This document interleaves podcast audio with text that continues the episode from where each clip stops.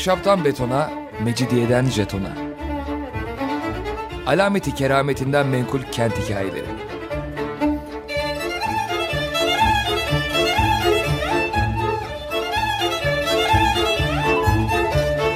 Hazırlayan ve sunan Pınar Erkan.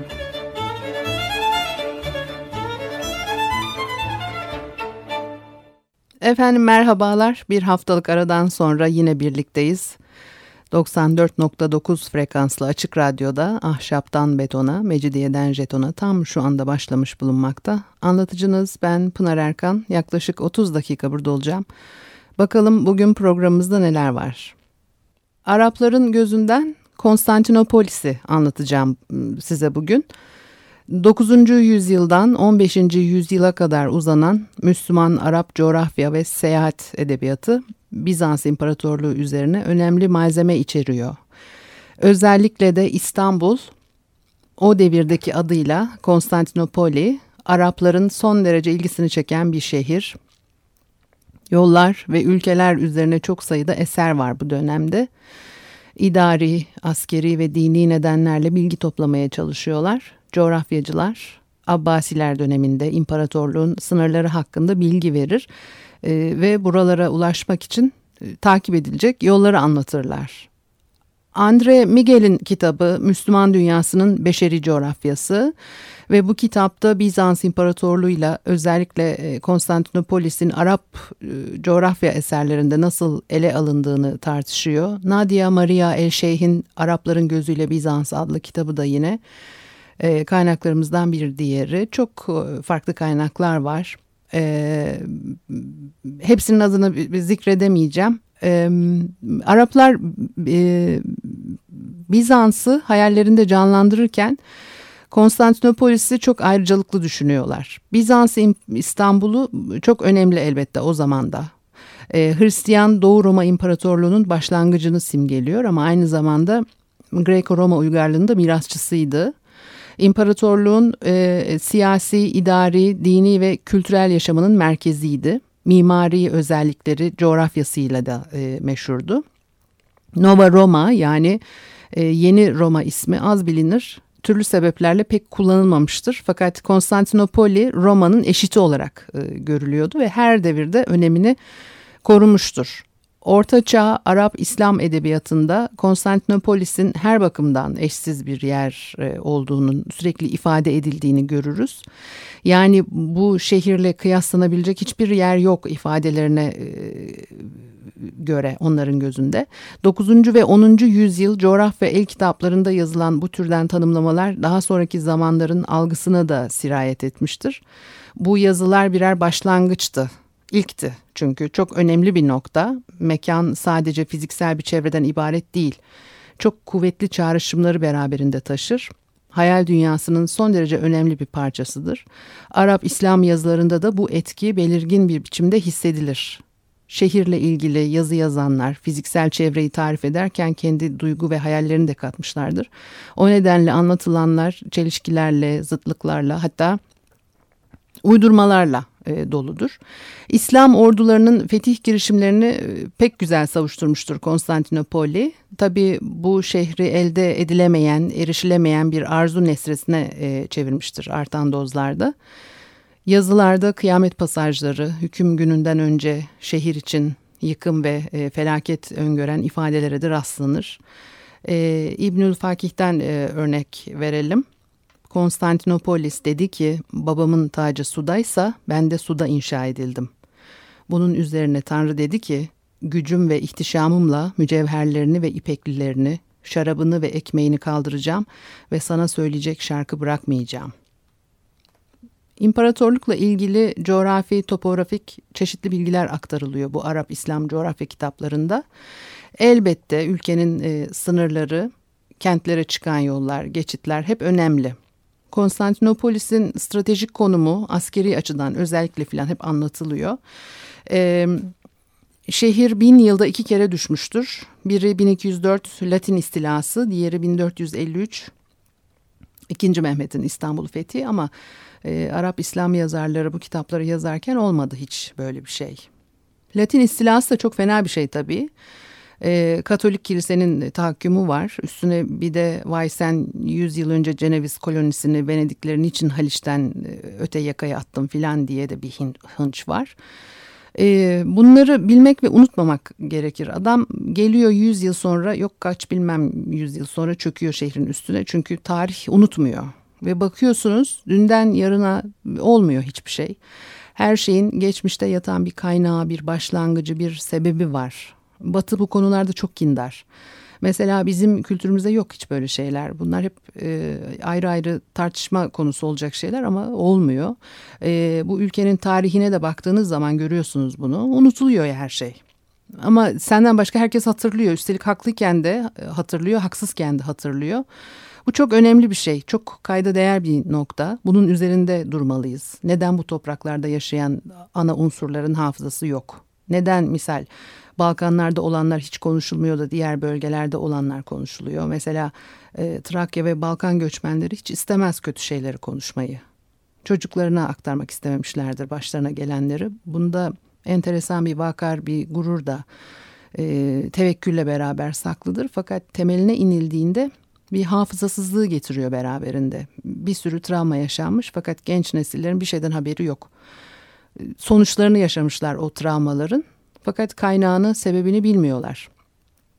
Herkes suskun. Batı ise bunu bir e, strateji haline getirmiş. Çok iyi travma yönetiminde. E, bunda ta ilk zamanlar kavimler göçü esnasında filan yaşanan sayısız kırılmanın etkisi var diye düşünüyorum. Bizde yok öyle bir şey. Bunları e, söylüyorum ama e, tabii yani bir yargı değil bu kesinlik yok bu söylediklerimde. Düşünüyorum sadece. Şimdi Arap İslam metinleri e, bizi muhteşem kiliseler, lüks saraylar, görkemli çeşmeler, heykel ve e, tılsımlar hakkında bilgilendirir. Şehrin tılsımları ve efsaneleri de çok meşhurdur zaten. Müslüman gözlemciler için tamamen yabancı bir kentsel çevre var Konstantinopoli'de. Doğal olarak elbette. Anlatırken de kenti bütün olarak ele almamışlardır. Bazı röper noktaları var. Onların etrafında dönüyor her şey.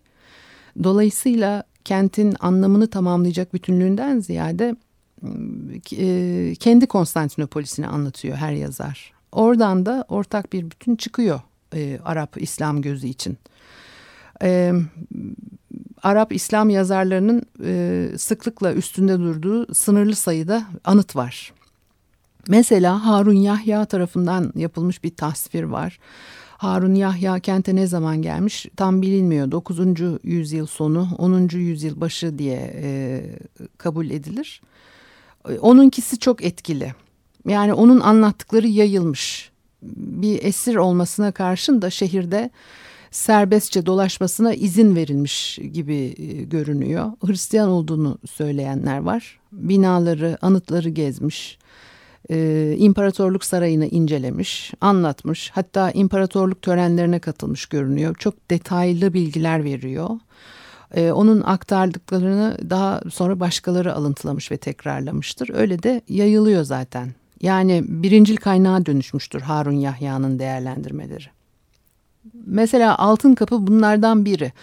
Harun Yahya'nın dediğine göre İmparator ancak bir zafer kazandıysa bu kapıdan geçerek dönebilir. Altın kapıyı beş fil heykeli ve bir filin gemlerini tutan bir adam e, heykelinin süslediğini anlatmıştır. Başkası bronz levhalarla süslü bir altın kapı e, tasvir eder. Bir diğeri savaşa giden orduların buradan çıktığını söyler. E, başka tür çeşitli kaynaklarda bu bilgilere de rastlayabiliyorsunuz. Ama ilk elden e, ilk e, bu bölgeyle ilgili bilgileri veren işte Altın Kapı ile ilgili bilgileri veren Arap dünyasında Harun Yahya'nın bu sözleri dikkati çekiyor. Altın Kapı bugün de yerinde duruyor fakat ne heykelleri ne levhaları filleri ara ki bulasın tabi. Ee, Harun Yahya hipodromu anlatırken de burasının bir meydana bir e, yarış alanına benzediğini söylüyor. Senatörler tarafından toplantı alanı olarak e, kullanılıyormuş. İmparator da yakındaki sarayından izliyormuş tüm bunları. E, Harun Yahya'nın ifadeleriyle. Araba yarışlarından da bahsediyor fakat yarışlara hiçbir siyasal veya toplumsal bir anlam vermiyor. Bunlar artık bilindiği için hani o detaylara girmedim ama E, yarışlarda yeşiller ve maviler olarak e, iki taraf var ve yarışlar sadece spor olsun diye de yapılmıyor. Siyasal nedenlerle de bir örgütlenme var orada. Ve o e, işte meşhur Nika ayaklanmaları filan bu araba yarışları sırasında e, halk meydana toplanmışken e, aslında o e, ekonomik sıkıntılardan e, kaynaklı bir e, süreçtir ve işte e, iki taraftan da birer adamı bir güzel yani hem mavilerden hem yeşillerden e, birer kişiyi bir güzel meydanda asıyorlar filan.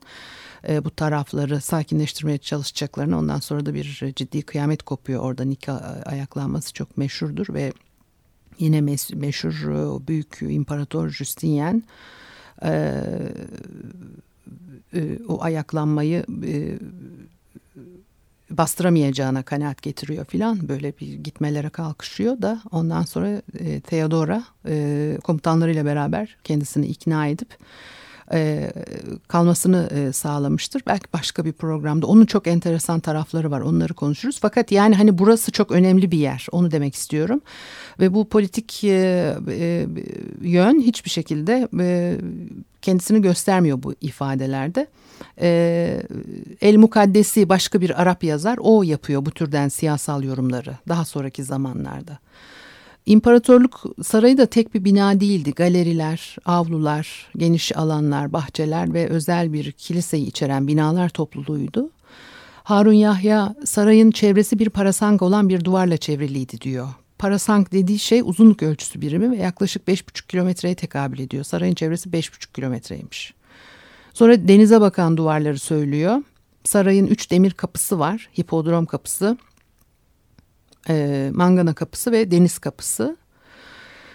Bizans e, biliyorsunuz görkemi ve e, ihtişamıyla çok meşhurdur. Harun Yahya da tüm bunları anlatıyor. Hipodrom kapısından girince 30 metreye 15 metre ölçülerinde büyük bir hol var. Duvarlar brokar kaplı. Brokar böyle ipekli, kabarıklı, yanarlı, dönerli de olabilen bir tür çok şık kumaş. Bununla duvarları kaplamışlar. Yine duvar halılarıyla ve yastıklarla süslü yüksek koltuklar var. Bu koltuklarda siyahi Hristiyan muhafızlar oturuyormuş ellerinde altın kalkanları ve mızraklarıyla. E, mangana kapısı daha büyük 60 metreye 15 metre hol e, açılıyor. E, burası mermer kaplı içeride de ellerinde yaylarıyla Hazarlar var.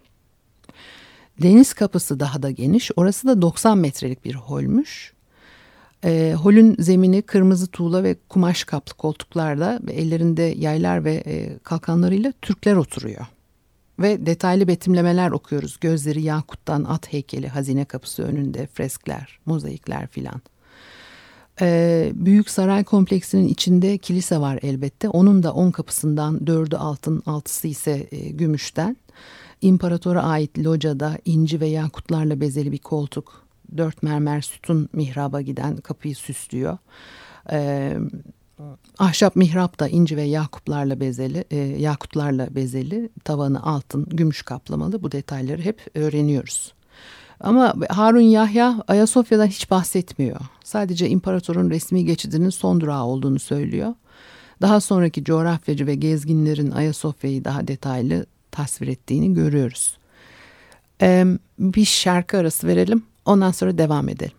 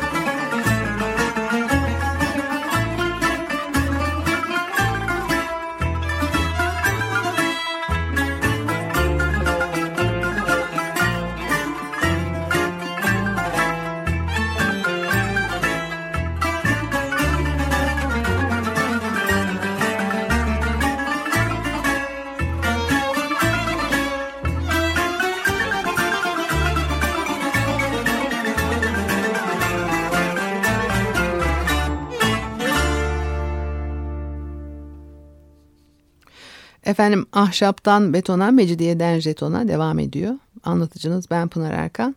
Ee, Arap gözüyle Bizans, İstanbul'unu, Konstantinopoli'yi e, konuşuyorduk. E, Harun Yahya'nın e, kent içi izlenimlerinden bahsediyorum. E, Ayasofya'dan hiç bahsetmiyor dedim. E, Justinian sütununu anlatıyor ama. Ayasofya'nın batısında diye tarif ediyor. E, sütun üzerine sütun ve e, gümüş zincirlerle çevrelenmiş. Tepesinde dört köşe mermer bir levha var. Onun üzerindeki kaidede şaha kalkmış bir at. Atın üstünde inci ve yakutlarla süslü altın bir haç taşıyan Justinian oturmakta. İmparatorun sağ kolu halkını selamlarmışçasına havaya kalkmıştı diyor. Sözü edilen Bizans'ın Augusteon dediği ünlü sütun. E, atın üzerindeki figür doğuya bakar ve eli de bu yönde e, havadadır. Diğer elinde tepesinde haç olan altın bir küre veya elma tutar. Bu küre tüm denizlerin ve karaların Justinian'ın hükmü altında olduğunu anlatır. Ee, sağ elinin güneşe doğru uzanmış olması da doğudaki yabancı halklara e, kendi ülkelerinde kalmalarını emrettiğini ifade ediyordu. 6. yüzyıl Bizans tarihçisi Prokopios e, böyle söylüyor. Ee, yani bu heykel Hristiyan İmparatorluğun gücünün simgesi, Perslere karşı kazandığı zaferin e, anısı. Fakat Harun Yahya'nın anlattıklarında yine bu anlamları bulup çıkaramazsınız. Harun Yahya'ya göre imparator doğuya uzattığı eliyle Müslümanları davet ediyor. E, manganın kapısının arkasında hapishaneler varmış. Dört hapishaneden biri Müslümanlar için. Biri Tarsoslular, biri genel halk. E, sonuncu da polis şefi içinmiş. Düşün yani memleketin polis şefi için ayrı hapishane. Polis şefi Müslümanlara e, Tarsuslulara, memleketin genel halkına bedel. Hapislikte. Başka da bir şey söyleyemeyeceğim bu konuda. Harun Yahya e, Bizans'ın kamu hizmet yapılarını da anlatıyor. Bunlar e, Bizans hayatında önemli yer tutan yapılar. Mesela işte Bulgar ülkesinden su getiren su kemeri diyor. O e, su her zaman problemdi şehir için. Yüzyıllar boyunca. Ee, o zaman da sorundu. Yeraltı sarnıçları da sanki tek bir taneymiş gibi anlatıyor. O da enteresan. İmparatorun kilisesinin doğu avlusunda oyma bir mermer havuz varmış. Harun Yahya bu havuzu e, e, ve onu işte etrafındaki 12 sütunu uzun uzun anlatıyor. Her birinin tepesinde ayrı bir hayvan heykeli, yani figürü varmış. Bunlar şahin, e, koyun, boğa, e, horoz, aslan, e, kurt, keklik, tavus kuşu, kısrak, fil, melek e, böyle gidiyor. E, yani o aslanın dişi aslanı var, erkek aslanı var filan. Şimdi suyu e, sütunların tepesindeki heykellerden akacak şekilde yönlendiren bir sarnıç düzeni kurulmuş. Bayram günlerinde bu sarnıca 10 bin damacana şarap ve bin damacana beyaz bal dolduruyorlarmış. Saraydan kiliseye giderken imparator bu heykelleri ve heykellerin ağızlarından ve kulaklarından havuza dökülen ballı şarabı görebilirmiş. Onunla birlikte yürüyen herkes bu ballı şaraptan da içebilirmiş. Ee, Harun Yahya'nın anlattığı bir diğer kapı Ayasofya'nın güneybatısındaki e, horologiondur. E, bir tür güneş saati bu. Saatin 24 kapısı var. Her saat başı bu kapılardan biri kendiliğinden açılıp kapanıyor. Etrafta bir sürü heykel var. Ana caddelerin açıldığı meydanların, pazar yerlerinin süsleri heykeller ve her bir heykelin veya sütunun da bir tılsım, bir efsanesi var. Halk arasında nam salmış. Harun Yahya da bu yanlışları es geçmiyor elbette. Diyor ki İmparatorluk Sarayı'nın kapısında Apollon tarafından yapılan ve dört bronz heykelden oluşan bir tılsım var. Maksadı canlı atların imparatorun kapısında huzursuzluk yaratmasını ya da kişnemesini önlemek. Burada kastedilen at heykelleri muhtemelen 13. yüzyılda Konstantinopoli'yi vuran Latin istilası sırasında e, Venedik'e kaçırılan ve San Marco e, Kilisesi'nin cephesine yerleştirilen atlar. Quadriga denir bu atlara. Araba çekiyorlar. E, dörtlü e, atlı arabalar. Ee, ve hipodrom, hipodromdaydı bunlar. Yani Harun Yahya başka atlardan söz ediyorsa bilemiyorum tabii. Milattan önce 4. yüzyılda yaşayan e, Yunanlı heykeltıraş Lisipos'un eseri olduklarına inanılan bronzdan yapılmış olan ve her biri bir mermer sütun üzerinde yükselen dört at heykelidir hipodromdakiler. Latin istilası da biliyorsunuz e, Kudüs'ü istilaya giderken Latinler gelip İstanbul'a çöküyorlar. Kurdukları Latin İmparatorluğu'nun başkenti yapıyorlar Konstantinopoli'yi ve e, 57 yıl e, şehrin çanına ot tıkamışlardır desek e, yeridir e, yıkıp yakmış dökmüşlerdir her yeri tabii o büyük bir yıkım e, şehir için ondan sonra da bir daha pek kendini toparlayamıyor zaten. E, Venedikler sanata çok düşkün. E, Cenevizler öyle değil. E, e, mesela yani Galata bu bölgesinde ağırlıklı iki koloni olduklarını düşünürsek eğer ticaretle uğraşan Dolayısıyla şehirden birçok şeyi toplayıp kutsal eşyalar filan Venedik'e taşımışlardır. San Marco'da da Latin yağmasına giden çok şey var. Napolyon'un askerlerinden biri bunları araştırdı. 18 sayfa listelemiş. Hangi şövalye e, nereden ne alıp nereye götürmüş filan diye. San Marco Kilisesi'nin denize bakan köşesinde dört imparator birbirini kucaklıyor. Birinin kırık ayağı İstanbul'da sonradan bir kazıda çıkmıştır e, müzelerin birinde saklıyorlar. Bekçi onu da 3.30 paraya birilerine satmadıysa tabii. Evet, e, tılsımlara dönersek benzer bir biçimde dört bakır yılan görmüş. Onu da anlatıyor Harun Yahya. E, bunlar yılanları zararsız hale getirme tılsımları. Altın Kapı yakınlarında da e, forumun ortasında yine tılsım olarak iki heykelin yerleştirildiği bir kemer varmış. Esirler bu iki heykelin arasına getiriliyormuş sabit durmalarına e, veya kıpırdanmalarına göre hapsediliyorlar veya öldürülüyorlarmış. Avrupa'da e, yani daha Avrupa değilken ve ortalıkta Germen kabilesi kaynıyorken vardı böyle şeyler.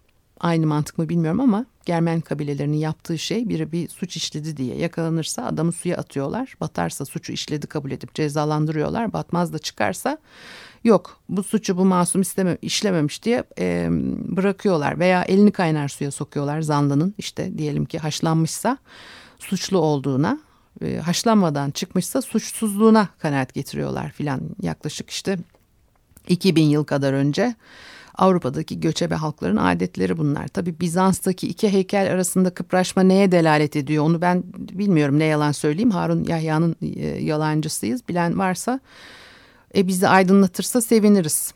Şimdi tılsımlı veya e, sihirli olduğuna inanılan anıt ve heykeller sadece bizim kentimize özgü değildi.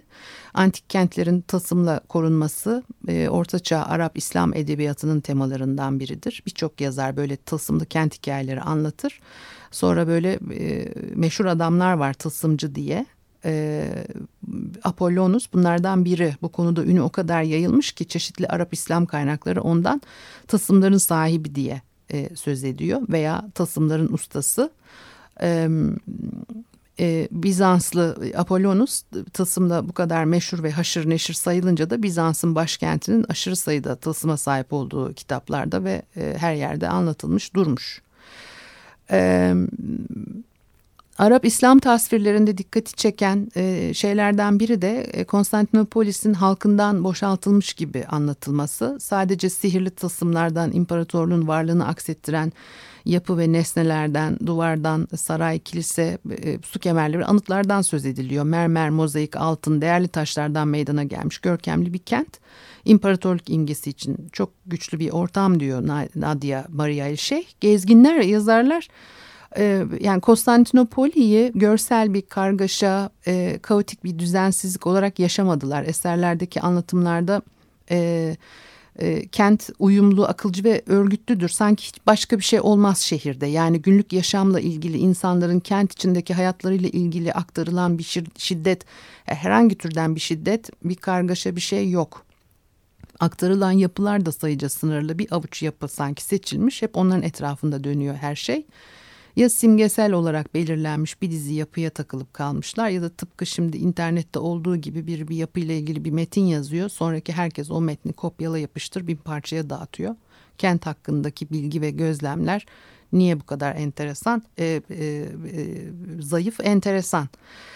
E, şimdi e, Harun Yahya'nın törenlerle ilgili çok enteresan aktarlıkları var ama onu ben başka bir programda e, Osmanlı törenleri ve Bizans törenlerini e, anlatırken e, aktarmak istiyorum.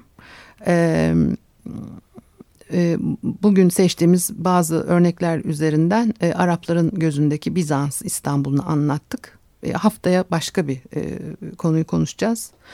E, vaktimiz de doldu.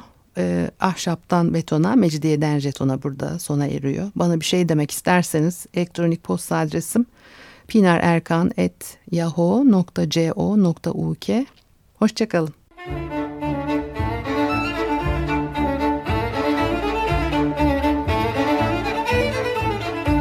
Ahşaptan betona, mecidiyeden jetona.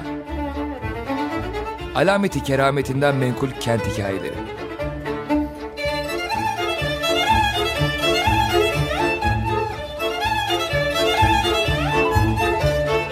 Hazırlayan ve sunan Pınar Erkan.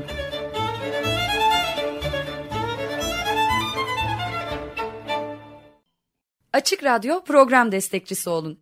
Bir veya daha fazla programa destek olmak için 212 alan koduyla 343 41 41